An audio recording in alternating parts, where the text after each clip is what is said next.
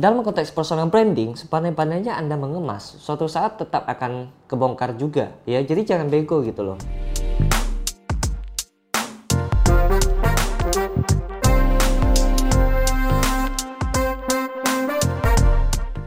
Halo dengan saya Rambleda, welcome back to Marketing Podcast. Di podcast episode kali ini, saya akan membahas tentang seberapa penting sih personal branding ya. Nah, personal branding itu overrated ya. Banyak orang berpikir mereka itu bisa melejit uh, di karir mereka itu dengan membangun yang namanya reputasi. Ya, memang benar sih, reputasi itu bisa membantu melejitkan karir. Tapi jangan lupa uh, bahwa reputasi atau brand itu adalah sesuatu yang di luar kontrol kita. Ya, banyak orang berusaha mencari jalan pintas tanda kutip ya untuk membangun personal brandnya mereka. Mereka sewa penthouse, supercar, hanya buat foto, pakai foto editing software biar terlihat cakep ya. Bahkan ada yang sampai membeberkan ilmu katanya dengan menggunakan foto yang kontras di profile picture mereka itu akan meningkatkan follow rate mereka menjadi 63% segitunya gitu. Halo, situ sehat. Siapa yang peduli sih ya? Kalau Anda menganggap personal brand itu ada cheatnya, maka Anda terlalu naif ya. Reputasi atau personal brand itu adalah akibat, bukan sebab. Akibat dari skill, akibat dari kerja keras, konsistensi, integritas. Reputasi itu harus diperjuangkan karena pada dasarnya adalah bagaimana persepsi orang lain terhadap Anda dan itu tidak bisa Anda kontrol. Anda hanya bisa mempengaruhi, influence, ya, entah dengan cara Anda berkarya satu atau kedua Anda memperlakukan orang lain dengan baik. Satu kesamaan yang saya pelajari dari semua mentor-mentor bisnis saya ya, yang bisnisnya itu udah jauh lebih besar dibandingkan saya, adalah mereka terus berkarya gitu dan memperlakukan orang lain terutama timnya dengan baik. Saya belajar dari mereka untuk tidak munafik, jaga integritas dan jadi versi terbaiknya saya. Bukan sebaliknya berusaha untuk menjadi seperti orang-orang lain karena sepandai-pandainya tupai melompat, ya pasti akan jatuh juga gitu. Dalam konteks personal branding, sepandai-pandainya Anda mengemas, suatu saat tetap akan kebongkar juga. Ya, jadi jangan bego gitu loh. Anda tidak akan bisa stay di posisi atas hanya dengan sekumpulan kata-kata bijak di Instagram dan profile picture yang hedon.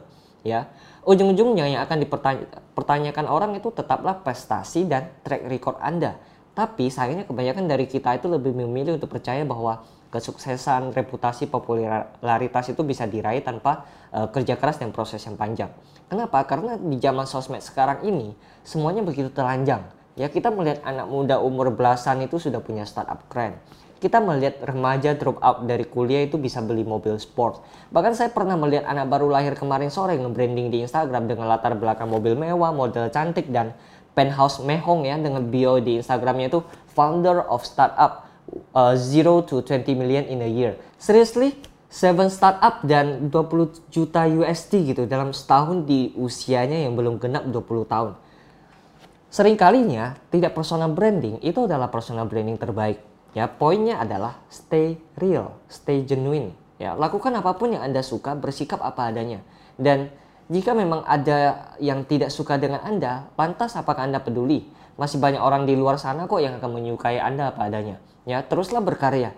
Lakukan apa pun yang harus Anda lakukan ketimbang Anda sibuk muncul di sosmed, networking nggak jelas ya, apalagi sampai beli gono gini yang sebenarnya tidak dibutuhkan hanya untuk keperluan branding. Memang susah sih, tapi worth it ya. Reputasi itu eksternal, tapi ada yang jauh lebih penting di internal yaitu karakter. Anda seharusnya lebih khawatir dengan karakter Anda daripada reputasi Anda karena Karakter itu menunjukkan siapa diri Anda ya sesungguhnya sedangkan reputasi itu adalah apa yang dipikirkan oleh orang lain tentang Anda.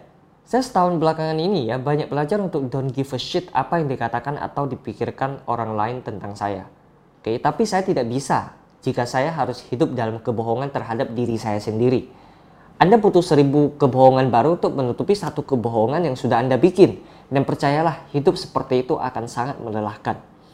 Saya tidak bilang personal branding itu nggak butuh. Poin saya adalah lebih care dengan karakter Anda, apa yang ada di internal Anda itu lebih penting daripada apa yang ada di eksternal. Jika internal beres, maka eksternal yakni reputasi atau brand itu akan mengikuti dengan sendirinya. Silahkan di-share jika bermanfaat dengan saya Rambleda. Jangan lupa marketing hari ini.